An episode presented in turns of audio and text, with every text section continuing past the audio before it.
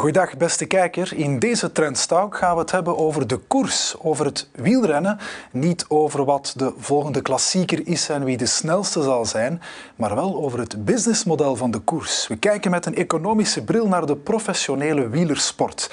En mijn gast is Jana Seel. Zij is Chief Business Officer van de Belgische World Tour ploeg Lotto Soudal het eh, management dus achter het sportieve. Over Lotto Soudal als KMO, zeg maar, met personeel, kosten en inkomsten enzovoort. Mevrouw Seel, zeer welkom in de studio. Dank u. Het wordt een eh, boeiend gesprek voor ons, want we gaan vanuit een heel ander perspectief naar de koers kijken. Eigenlijk door uw bril, die van Chief Business Officer. Nu, iedereen kent het wielrennen. We kennen de renners, er zijn de soigneurs, technici, uh, teamleiders, sportieve figuren. Maar er is ook een staf. En wat in dat management is juist uw rol?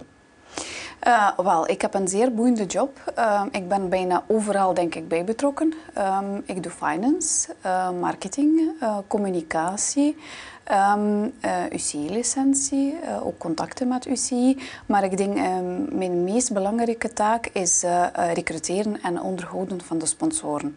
Ja.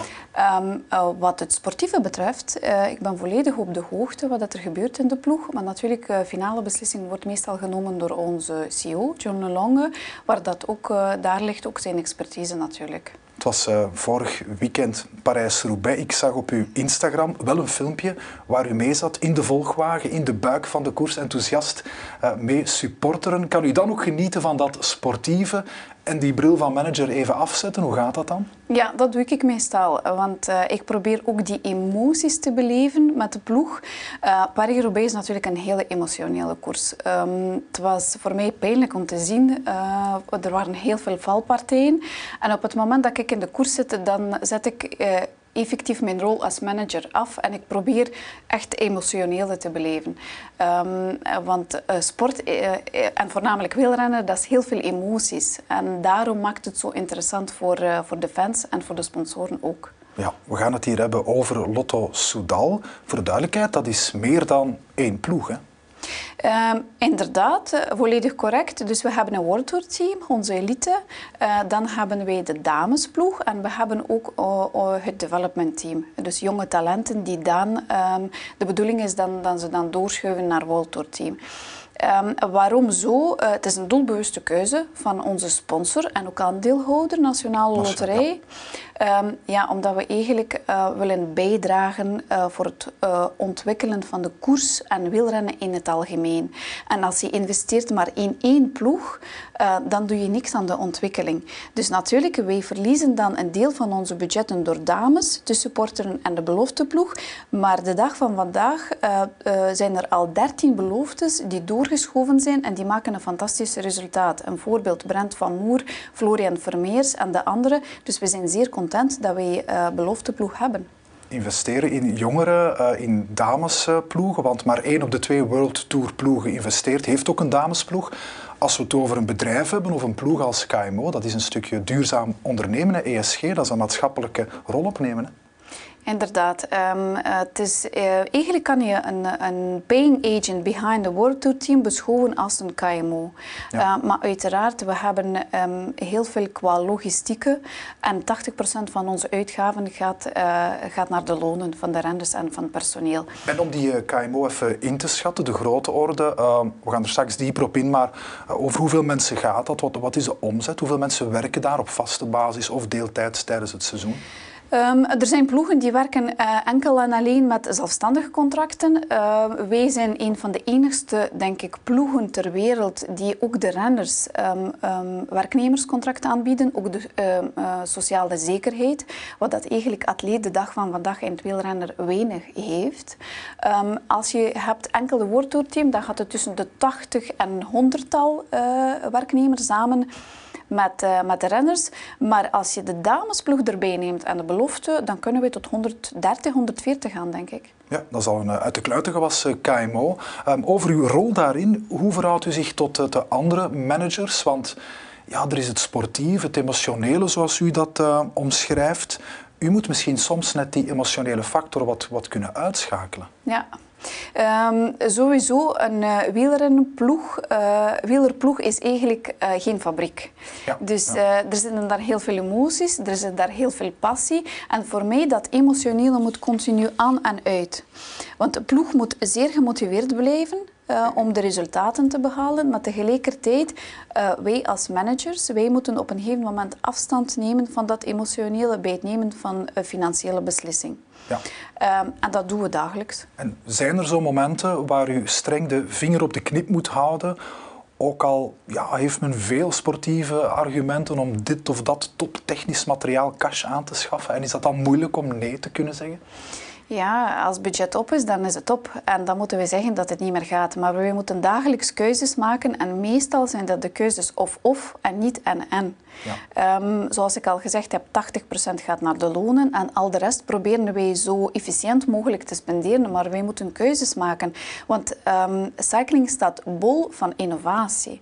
En je kunt dingen blijven aanschaffen, maar op een gegeven moment is je budget op. En dan moet je de keuzes maken, oké, voor performance gaat het zoveel zijn, voor nieuwe materiaal zoveel en voor onze stages zoveel. En als die keuzes zijn gemaakt, um, je moet ook je budget correct beheren, hè, uiteraard. Ja, want in het kader van Parijs-Roubaix las ik een interessant artikel over die fietsen die daar kunnen ingezet worden met tubeless banden die je van op het stuur weer kan oppompen, bepaalde veringen en zo meer.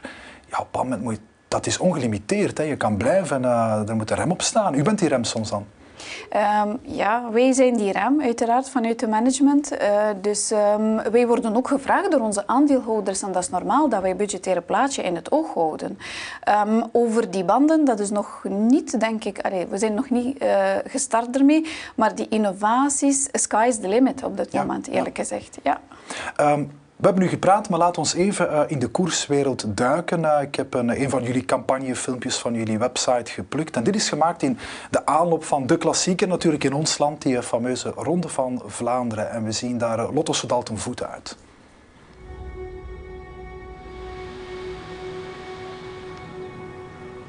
De heuvels en de stenen, de mensen en de dorpen, de passie en de geschiedenis. Twee wielen zijn hier meer dan vier. Hier wordt niet gefietst, hier wordt gekoerst. Koppenberg, Waremond, Pater. Geen straten of locaties, wel legendes waar helden worden begraven of geboren. Links, rechts, vallen opstaan, wegversmallingen macadam, aanvallen reageren, soleren, sprinten. Winnen betekent onsterfelijkheid, verliezen ook. Geen knecht wordt hier vergeten, geen sleper wordt hier uitgejouwd. Dit is waar de koers thuis is, dit is waar wij thuis zijn. Dit is waar zij thuis zijn, waar u nu ook thuis bent, maar u zit nog niet lang in die wereld. Um, als ik kijk naar uw opleiding en uw eerder traject, niets wees erop dat u inmiddels in deze functie zal zitten. Om te beginnen, uh, u bent ook niet hier opgegroeid. Um, waar bent u opgegroeid en wat heeft u gestudeerd? Uh, ja, ik heb een beetje een raar parcours afgelegd. Uh, dus ik ben geboren in Kazachstan aan de lanceerbasis in Baikonur. Mijn vader was een militair um, nucleaire wapentechnologie, dus van een hoge rang. Toen en, Rusland, de USSR ja, was het? toen USSR was, inderdaad. Dus wij zagen hem niet veel thuis en daar ben ik geboren. En uh, als ik die maand oud was, heeft hij een opdracht gekregen in Oekraïne. En wij als militaire gezin, wij moesten hem volgen en uh, we zijn verhuisd naar Oekraïne. En daar heb ik mijn jeugd doorgebracht met uh, uitzonderingen van zomervakanties bij mijn oma in Letland, in hoofdstad Riga, waar ik nog altijd enorm, enorm verliefd op ben. Uh, maar Oekraïne ligt me heel nauw aan het hart, uh, want ik ben daar opgegroeid, ik ben daar naar school geweest en ik spreek nog altijd de taal en ik heb heel veel vrienden daar. Maar u, heeft echt, uh, u bent divers in, heel Oost-Europa geworteld op die manier. Uh, dan zal dat Rusland-conflict ook voor u iets zijn dat, dat, dat, dat moeilijk ligt. We gaan het daar, daar straks nog zeker over hebben. We zijn inmiddels beland in, in Letland. Op een bepaald moment belandt u hier in België. Bent u dan wielrennen gaan studeren of is het gegaan? Nee, totaal niet. Uh, ik was van plan om wetenschapper te worden. Uh, ik heb farmaceutische en biomedische gestudeerd. Um, en uh, nog zelfs één jaar in researchlaben gewerkt bij de Gentse Universiteit. Maar besef kwam heel snel dat het niets voor mij was. En ik ben richting marketing en management gegaan en eigenlijk jarenlang in de farmaceutische industrie gewerkt. Maar op een gegeven moment dacht ik, ik moet mijn rots wel opzoeken. Uh, ik wil het land Kazachstan zien, uh, hoe dat het daar zit. En op mijn 27e heb ik voor het eerst uh, naar Kazachstan gegaan en het land gezien.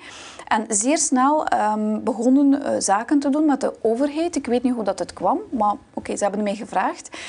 Um, en dan pas vijf jaar later kwam een aanvraag vanuit de overheid om een studie te doen over Astana-ploeg. Ja, de wielerploeg, ja. Inderdaad. En op die manier, ja. Um, maar ik had totaal geen idee. En oké, okay, ik heb mijn, uh, mijn rapport geschreven, ingediend. Um, en twee dagen later heb ik een aanbieding gekregen om een managing director te worden. Managing director van zo'n wereldploeg, Astana. Um, een heel andere nieuwe wereld voor u dan. hoe moeilijk was dat om dat allemaal een stukje van nul te, te leren kennen? Heel die microcosmos die de koers toch is? Mm ik denk gelukkig dat ik geen besef had op dat moment als ik begonnen was. Uh, het was zeer moeilijk, want ik heb alles moeten opzij leggen voor de komende drie jaar. En dat wist ik niet op het moment dat ik de functie aanvaard had. Um, want um, je komt ergens op een bepaalde leeftijd en je kent er niks van. Hè? Dus je moet uh, domme vragen stellen en je moet ze blijven stellen, totdat je eigenlijk begrijpt waarover het gaat. Want voor mij was niet alleen maar belangrijk om um, paying agent te besturen als een KMO, maar ook te begrijpen de motivatie van de atleten, van de sportdirecteurs. Waarom stellen ze die vragen? Waarom moeten ze dat allemaal kopen? Is dat wel waar? Of spelen ze een beetje met mijn voeten? Want ik moest het volledig kunnen inschatten. En dat heeft me drie jaar um, tijd gekost, eigenlijk. Maar ik heb alles opzij moeten laten. Ja. En zelfs deels van mijn privéleven. Dus, uh... Ja, een zware, zware job op dat moment. Um, maar u was daarmee wel uh, in die functie ja, de hoogste dame ooit uh, in, in de koers, in de World Tour. En wanneer is Lotto Soudal dan onder de radar gekomen? Um, op het moment uh, van, uh, denk ik, eind 2021 um, um, heb ik, had ik het besef eigenlijk dat ik niet, meer, niet veel meer kan betekenen voor de ploeg. Um, ben ik John Lelange uh, tegengekomen op uh, einde van Tour de France. Dat is manager uh, van Lotto Soudal. Dat is de CEO van Lotto Soudal, inderdaad. Maar we waren altijd in contact met John gedurende die drie jaar. En ik heb gezegd dat ik waarschijnlijk niet meer zal blijven bij de ploeg. En ik was niet echt op zoek naar iets. Maar we begonnen te praten en van de ene kwam de andere. En zo kwam ik bij een van de... nee, oudste ploeg ter wereld, denk ik, met, uh, met één sponsor, Lotto Soudal. Wat voor mij een, een enorme, enorme eer is. Ja, u zegt het, oudste ploeg ter wereld. Het wielrennen bestaat ondertussen meer dan een eeuw. Hè. Eind 19e eeuw, begin 20e eeuw ontstaan. Het is een wereld met veel tradities, um, veel gewoontes ook. We doen de dingen zoals ze zijn, omdat we het al lang zo doen. Um, merkt u dat dan als u binnenkomt met die rationele blik, ook iemand van de nieuwe generatie, dat dat een wereld is vol, vol tradities, misschien soms wat vastgeroest? Ja. Um, ik heb het gemerkt vier jaar geleden, als ik bij mijn eerste ploeg begonnen ben. Uh, daar heb ik enorm veel tegenwind ervaren um, door het feit, voornamelijk bij de oudere generatie. Ja. Um, de jongere generatie, zij staan vaak wat open en wat flexibel. Um, maar um, nu is dat, uh, begint toch te veranderen. Er komen veel meer vrouwen. Op het moment dat ik begonnen ben, vier jaar geleden, had ik totaal niet besef dat ik de eerste vrouwelijke CEO was. Ik was er totaal ja. niet mee bezig. Maar... Um, wat ik wel vind, dat de oude generaties hebben wel de ervaring en wij moeten respect hebben voor datgene dat ze gedaan hebben in het verleden. Ja. Dat is één. En ten tweede, um, uh, wat dat wij anders gaan doen, is niet per definitie beter. Dus eigenlijk is dat uh, alle innovaties, en voor mij is dat een super uitdagend, met een, in een ploeg met zo'n historie, met zo'n geschiedenis, innovaties inschakelen en proberen toe te passen, um, is een super uitdagende, uh, super uitdagende job voor mij, uiteraard. Ja. Een stuk uh, het beste van beide werelden. Um, ik wil met u even, uh, Lotto Soudal, onder um, de loep nemen over de cijfers dan, om, om, een schets te maken en corrigeren mij wanneer het niet klopt. Cijfers voor 2021, dan komt er een kleine 16 miljoen euro qua inkomsten uit sponsors, 1,27 miljoen euro andere inkomsten. Personeelsuitgaven, u zei het al, dat is de overgrote, de grootste hap met 12 miljoen. Um, even over die inkomsten. Vaststelling is dat jullie, dat zo'n een, een wielerploeg, want dit gaat op voor de meeste ploegen, hè, deze verhouding. Um, de koers is bijzonder sponsorafhankelijk. Hè? Ehm, ja, we zijn, uh, we zijn zeer fragiel. Ik kan dat alleen maar bevestigen.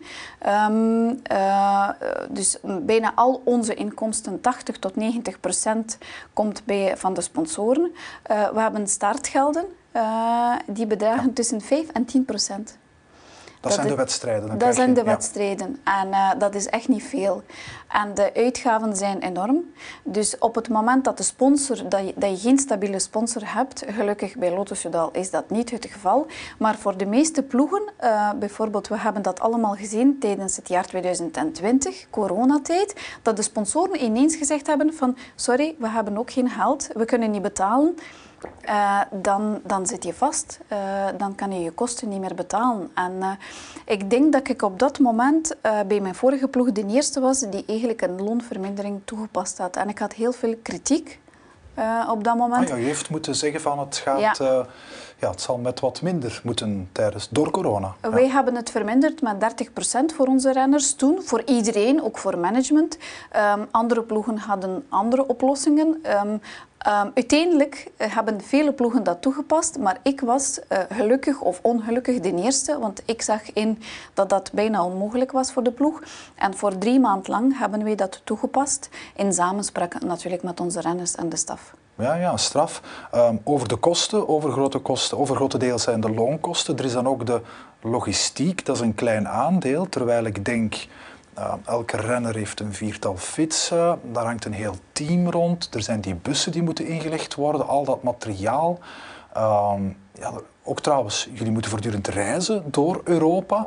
Daar komt toch heel wat bij kijken. Dat is een hele karavaan eigenlijk. Ja. Um, uh, ik denk dat die logistieke kosten zijn heel goed ingeschat zolang dat hetzelfde programma blijft. Dus als we dezelfde koersen gaan blijven rijden en we kunnen de dieselprijzen en de um, algemene um, logistieke kost inschatten, dan is het geen moeilijke oefening. Maar de dag van vandaag, we zien eerst was het corona. Um, nu hebben wij de maskers afgenomen en uh, jullie zien voldoende renners zijn veel ziek. En dat is niet meer met corona, maar dat zijn andere virussen. Omdat we maskers afnemen, zijn we weer fragiel voor andere type virussen. Dus eigenlijk, wij moeten alles aanpassen en bijsturen last minute. Dus die ticketten die al geboekt zijn, krijg je niet meer terug. Dus ja. je moet de nieuwe boeken, je belt en de renners moeten ook bereid zijn om last minute te kunnen vertrekken. Um, ook de dieselprijzen um, die blijven stijgen. Voor ons is dat um, een enorme, enorme kost uiteraard. Ja, is dat een uh, serieuze domper? Dat is omwille van die bussen dan en, en die verplaatsingen? Ja, ja. ja want uh, wij verplaatsen ons heel veel. Natuurlijk, de, de vrachtwagens moeten er naartoe met de, met de fietsen. Uh, de mechaniekers moeten die vrachtwagens naar iedere koers, de bussen. ja, logistieke kost is enorm gestegen. Enorm op dit moment. Ja. En voor de duidelijkheid, we vergelijken hier een ploeg met een KMO. Maar zo'n wielerploeg, het mag altijd, kan geen kwaad, mooi meegenomen. Maar het is niet de bedoeling van winst te maken bij jullie? Nee, ik denk dat we mogen blij zijn als wij geen verlies hebben. Uh, want uh, de vragen blijven komen natuurlijk van performance en van de renners. En we kunnen altijd innovaties blijven aankopen. Maar ik denk, een goede CEO um, houdt gewoon een kostenplaatje... Um, uh, op nul. Um, dat, dat eigenlijk datgene dat je krijgt, dat het wel correct wordt gespendeerd. Um, wij mogen niet vergeten dat we een van de enigste ploegen zijn die sociale zekerheid aanbieden voor de renners. En voor ons, ten opzichte van andere ploegen die met zelfemployed werken, kost het meer dan 1 miljoen meer per jaar. Ja. Maar ze hebben die zekerheid. Moest de corona weer uitbreken, kunnen ze op de werkloosheid uitvallen. Um, bij de andere ploegen is dat niet het geval. Um, dus uh, um, ja, maar winst maken, dat zit er meestal niet in. Nee. Over die verloning van uh, de renners. Um, ik las uit een studie dat in de World Tour, dat is de hoogste categorie, de hoogste klasse, de helft aan 10.000 euro of meer bruto zit. Maar bij, als je naar de professionele renners kijkt, de bredere groep verdient de helft minder dan 4.000 euro bruto. Ja, om maar te zeggen, een Kevin De Bruyne, een voetballer, verdient per jaar 18 miljoen euro ja. bruto. Dat is een enorm verschil. De bedragen die in de voetbalwereld rondgaan zijn enorm veel hoger dan in de koersen. Dat is waar en dat is pijnlijk. Ja. Uh, want uh, die bedragen, minimale bedragen, um, ik ga spreken vanuit een uh, zelfstandig contract, die zijn opgelegd door UCI. En een minimale is 66.000 bruto self-employed contract voor een renner. Dat zijn bedragen die opgelegd zijn door UCI. Ehm, en dat kan gaan tot, tot oneindig. Ehm, ehm, maar ik denk hoogste bedragen in de wereld 5, 6 miljoen op jaar. Dat is het hoogste ga je, bedrag voor dat ga je niet, dat ga je niet veel vinden. Dat Nee, ga je niet veel vinden. Dat, is een, eigenlijk, dat kun je met, eh, met je vingers, eh, met je tien vingers, denk ik, in een hele peloton. En dat maakt het enorm pijnlijk, want eh, oké, als je dat vergelijkt met voetbal, onze renners werken niet minder, of om te zeggen niet minder hard voor die resultaten, maar die verdienen een pak minder. En er zijn ook wereldtop, hè, die renners. Dus eh, Uiteraard, ja. je wordt er niet eh, rijk van, tenzij je een zeldzame eend die erbij bent die echt een absolute topper wordt. Eh, ja, maar dat zijn de keuzes. Ze zijn allemaal vechters en dat zijn bepaalde type karakters. Ehm, ehm, ik denk dat je moeilijk... ehm, ik ben weinig bij betrokken geweest bij voetbal. Ik kan het moeilijk vergelijken. Maar ik denk de renners, dat zijn vechters die eigenlijk door het leven gaan, want ze gaan veel meer verliezen dan winnen. Dus het moet een heel harde Ja, mentaliteit zijn. Eh, zelfs blijven honderd keer vallen, maar wel 101 keer opstaan. Dat is de bedoeling. Ja, blijven stampen. Ehm, wat opvalt, dat wil ik het over ehm, het sponsorschap hebben, eh, die belangrijkste bron van eh, inkomsten. Al sinds het bestaan van de wielrennerij, dat is meer dan 100 jaar geleden, ontstaat een ploeg met de, met de sponsor. Het is, nooit, het is eigenlijk nooit anders geweest. Een ploeg was altijd een merknaam. Begon in Frankrijk met de sportkranten en sporttijdschriften daar. Ehm, ja, het is nooit anders geweest. Hè? Nee, inderdaad. En dat is geschiedenis en dat is zo gegroeid. Ehm, en het is ook heel mooi, want eigenlijk de namen van de ploegen zijn dan de namen van de sponsoren. Ja. Ehm, als je in het voetbal kijkt, ehm, ga je niet altijd weten van wie staat erachter. Dus je moet het gewoon opzoeken. Hier, dat is eh, een, een mooiste visibiliteit. eh, want de sponsoren komen in de wielrenner ten eerste omdat ze affiniteit hebben met de koers. Dat heb ik toch voldoende, denk ik, gezien. Ehm, eh, maar er zijn meer en meer sponsoren die de keuze maken puur omwille van eh, rationele. Want een marketingcampagne die erachter zit, je kan werken B2C, je kan werken B2B. Eh, daar moet je een beetje een andere strategie toepassen. Je moet meer activatie doen vanuit campagne, vanuit bedrijf zelf. Maar dat werkt perfect. En e- eigenlijk, we geven veel meer waard voor dat geld datgene dat ze aan ons betalen dan in het voetbal.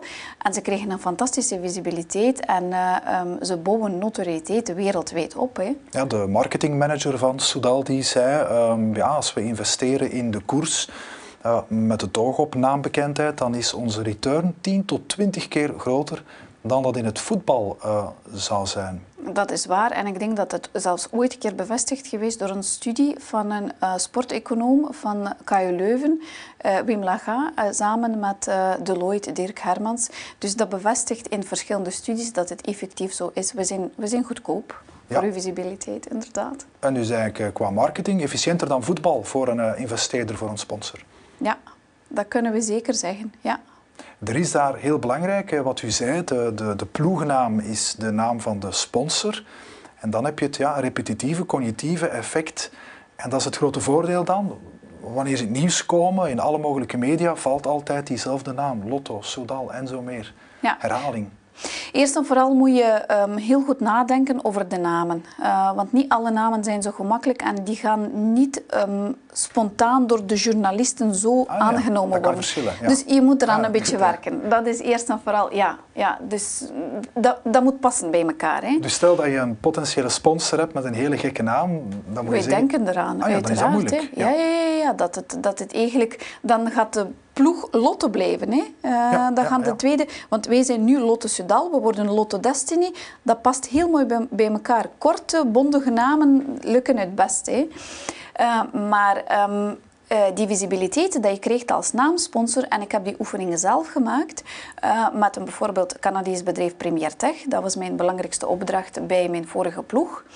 Uh, om een sponsor, tweede naamsponsor, in de ploeg te brengen. Zij hadden nooit een tweede naamsponsor. Ze Ja, het is bijna altijd twee namen, hè, ook zoiets. ja.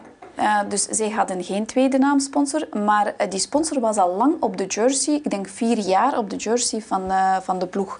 En op het moment dat hij um, ingegaan is als aandeelhouder en tweede naam, die is gestegen qua visibiliteit in miljoenen. We spreken Ja. niet over uh, honderdduizenden, maar over miljoenen qua visibiliteit. Ik bedoel over um, uh, gekochte uh, tijd op tv, hè, broadcasting. Ja. Dus het heeft wel ehm, heel veel effect als je komt als naam. Hè. Wel, laat ons eens kijken. Opnieuw een videofragmentje. Dat gaat dan over die sponsoring. Soudal uh, verhuist van ploeg en u heeft de gesprekken geleid tussen Lotto en dan uh, Destiny. Dat is een IT- en softwarebedrijf uit Zaventem. Dit is een kort verslagje van op jullie site van op de voorstelling van dat sponsorschap.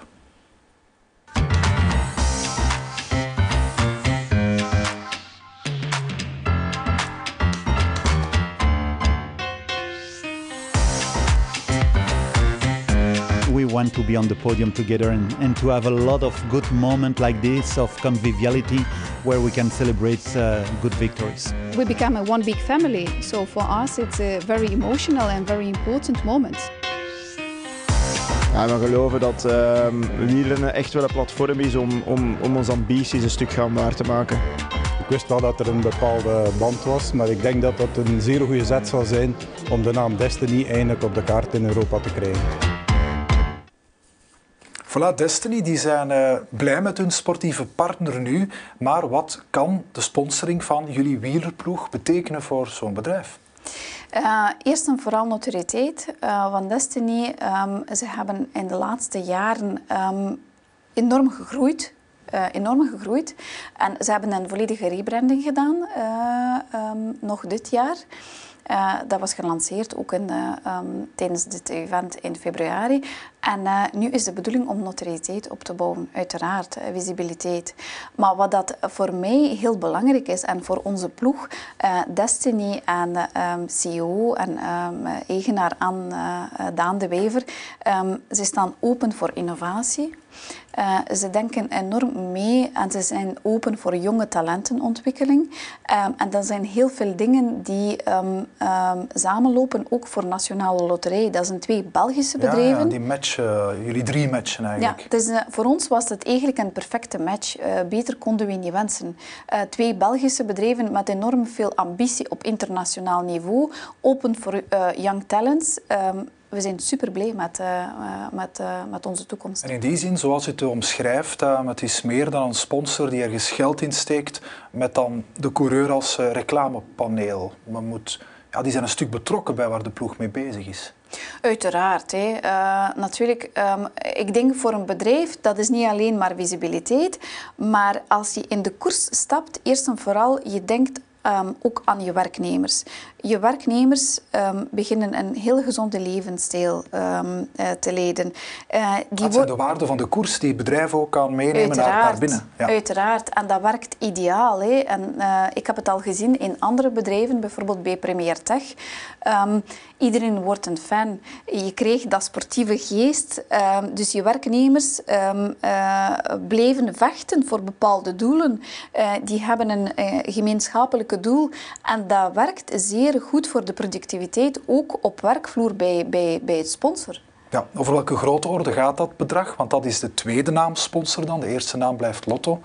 In hoeveel, over hoeveel miljoenen gaat dat? De tweede sponsor betaalt altijd een klein beetje minder, maar niet altijd. Maar we spreken nooit over de bedragen. Uh, dus ja. uh, wij gaan, uh, ja. Maar min of meer lopen die bedragen gelijk dan kan ik daar ook niet op uh, doorvragen. Nu, um, die sponsoring, dat is het, uh, dat is het businessmodel. Um, maar als ik weer eens vergelijk, waarvoor excuses met het voetbal, er blijft weinig economische hefboom, zou je kunnen zeggen, mm -hmm. over voor de koers. In het voetbal hebben ze bijvoorbeeld een stadion. Daar komen duizenden fans heen en daar kan je tickets vragen. Jullie kunnen dat niet, het gebeurt nergens. Hè. Het is op de openbare weg. Dus Nee, uh, en eigenlijk is dat uh, iets wat dat koers zeer toegankelijk maakt. En we kunnen dat niet ontnemen. Want um, voetbal moet je een ticket kopen. Bij de koers uh, kan je gewoon komen. En de renners zijn zeer toegankelijk voor het publiek. Dat weten wij. En dat willen wij behouden. Maar natuurlijk, het maakt voor ons niet gemakkelijker op die manier. En ik denk dat er nu in België, als je nokerse koersen bekijkt, um, er zijn betalende ruimtes waar je wel kan aankopen. Maar het gaat nog even, denk ik, duren tegen dat wij uh, echt geld gaan beginnen vragen van onze fans om de koers te beleven. En u zegt het gaat nog even duren, of zou je zeggen ja, het zal er nooit van komen. Dat moet, daar moet heel de wereld eens over nadenken. Of? Ja, ik denk dat we het heel moeilijk kunnen nu zeggen uh, welke richting dat het zal uitdraaien. Moesten wij het aankunnen als ploegen uh, met wat meer ondersteuning van organisatoren en tv-rechten, zou ik het liever houden zoals het is. Zodat iedereen kan komen kijken naar de koers gratis. Ja, de tv-rechten, daar zegt u het, daar worden die voetbalclubs ook uh, rijk op. Um, in de koers bestaat niet zoiets als tv-rechten, althans niet voor de teams die meerijden. Hè. Terwijl uh, Ronde van Vlaanderen uh, 2020, midden corona, goed, maar 2 miljoen kijkers. De Ronde van Frankrijk in 190 landen uitgezonden. Ja, moesten jullie een stukje van die tv-rechten hebben, dan zijn al heel wat van uw kopzorgen opgelost. Inderdaad, en ik denk dat er al heel veel mensen uh, geprobeerd hebben om daar iets aan te veranderen. En wij zouden graag een verandering willen zien uh, inkomen. Uiteraard, ze bieden ons logement, ze bieden ons een mogelijkheid om uh, koers te rijden. De organisatoren zijn dat, ja. Organisatoren, inderdaad. ze bieden ons ook de mogelijkheid voor onze sponsoren om die visibiliteit, als wij op podium staan voor zoveel kijkers, um, wij eigenlijk winnen dat terug door de visibiliteit. Um, maar um, die tv-rechten moest de startgelden toch een beetje stijgen, zou het veel beter zijn voor de ploegen. Ja. ja. Zou je durven samenvatten vanuit uw eh, standpunt, als u het zakelijk bekijkt, moet het businessmodel van de koers veranderen, verbeteren? Um, we kunnen wel een beetje verbeteren, uh, denk ik, maar um, grondig veranderen dat gaat er denk ik niet in komen. Voor mij is nu natuurlijk, als ik het vergelijk met een ploeg Lotte Sudal werken, um, we zijn zeer aantrekkelijk van de sponsoren. En we hebben meer dan 50 sponsoren aan boord nu op dit moment en de vragen blijven komen. Natuurlijk, al die sponsoren, ze vragen een bepaald return on investment. En daarvoor heb je een heel goed marketingdepartement nodig. Want je kunt niet tot oneindig gaan. Je wilt iedere sponsor de nodige visibiliteit en aandacht geven. Um, uh, je hebt cash-sponsoren, je hebt sponsoren met cash en materiaal en je ja. hebt louter materieel. Um, en van dat materieel, um, eigenlijk, je kunt minder cash hebben, maar je kunt al de rest gewoon gratis krijgen van de sponsoren. En dat is denk ik voor mij een zeer efficiënt model. Ja.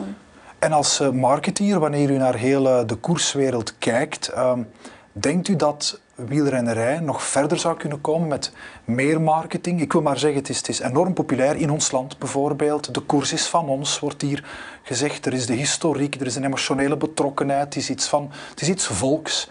Zou je daar niet meer dingen mee kunnen doen met de koers als het aan lag? Um, uh, uiteraard, we kunnen meer doen, want vroeger B2B, dat bestond bijna niet. Uh, eigenlijk komen we al van ver. Vroeger kwam de sponsor, uh, die kreeg een plaats op de jersey, af en toe wat VIP en that's it. Nu zit er een hele marketingcampagne erachter. Dus wij zitten samen met de marketeers van onze sponsoren en we denken heel goed na, welke activatie willen jullie? wat is jullie doelgroep? Is dat enkel B2C of willen jullie ook B2B? Dan richten wij twee aparte marketingcampagnes. Um, dat is zelfs vier jaar geleden, als ik nog toegekomen ben uh, in de koerswereld en nu zie ik veranderingen. Dus ja. ik denk dat we zeker gaan evalueren, sowieso, ja. Meer marketing kan de koers helpen. Ja. Goeie ideeën. Ja, inderdaad. Even naar uw persoonlijk leven, want uh, wat u er straks uh, vertelde was opmerkelijk. Hoe u in Kazachstan geboren bent, opgroeide in Oekraïne. Russische familie, vader die Russische uh, militair was, kerntechnologie-expert. Ja, dan vraag ik me af met welke blik kijkt u naar dat uh, Russisch-Oekraïns conflict? Uh, het is pijnlijk voor mij, uh, want voor mij zijn die twee landen moeilijk te scheiden. Um, ik denk dat iedere familie in Oekraïne en in Rusland heeft familie in Rusland en omgekeerde ook, of vrienden. Um, en voor de mensen is dat gewoon heel, heel pijnlijk wat dat er op politieke niveau gebeurt. Nu, en we hebben hier, uh, soms lijkt het een stuk een binair conflict. Het is het Westen tegen Rusland. Uh, maar u, heeft, u kent beide kanten. Wat vindt u van... Kijken we ernaar op een, op een juiste manier, denkt u? Um, ik denk dat het, uh, zelfs voor mij spreek ik, ik spreek Russisch, ik spreek Oekraïens, ik kan um, Engelstalige media volgen en hier in Europa bij ons. En uh, er worden heel veel dingen gezegd met zware feiten en het is heel moeilijk om te zeggen van wat is het nu? Ja, ja, Waar gaat het? Want iedereen komt met hele zware feiten af. Uh, maar het pijnlijkste is dat er heel veel kinderen, gezinnen, vrouwen uh, slachtoffers zijn. En uh, gewoon oorlog in 2022, dat is iets wat, dat, wat dat niet kan gebeuren. We zijn allemaal mensen, wij moeten gewoon aan tafel zitten, spreken, onderhandelen en tot conclusie komen. Hè. Tot een bepaalde overeenkomst komen. Ja. Um, dus voor mij is dat gewoon heel pijnlijk om te zien. Ik probeer me uh, niet diep in te gaan in de politieke. Um, uh, ik heb ooit de vraag gekregen in de laatste dagen um, van wat zou uw vader gezegd ja, hebben? Hij was dus uh, ja, ja, militair, militaire familie, was, Inderdaad, um, ik denk dat mijn vader zou gezegd hebben, gewoon geen oorlog. Ja, dat is niet goed. Ja. Want uh, ik begrijp ook, u woont in de rand van Brugge met uw familie, heeft zelf twee kindjes. Jullie vangen thuis ook Oekraïners op. Ja, we hebben die beslissing eigenlijk zeer snel genomen. Uh, want ik dacht eerst misschien een campagne oprichten, we kunnen geld verzamelen. Ik heb geld gestort. Maar dan dacht ik, oké, dat is allemaal gemakkelijk en je bent er vanaf. Uh, maar ik dacht, ik moet iets meer doen. En uh, mijn enigste voorwaarde was dat, hij, dat de mama was met kindjes van ongeveer de leeftijd van mijn kinderen. Zodat ze op school konden helpen met de taal. Want de mijnen spreken nog altijd beide talen, mijn zoontjes.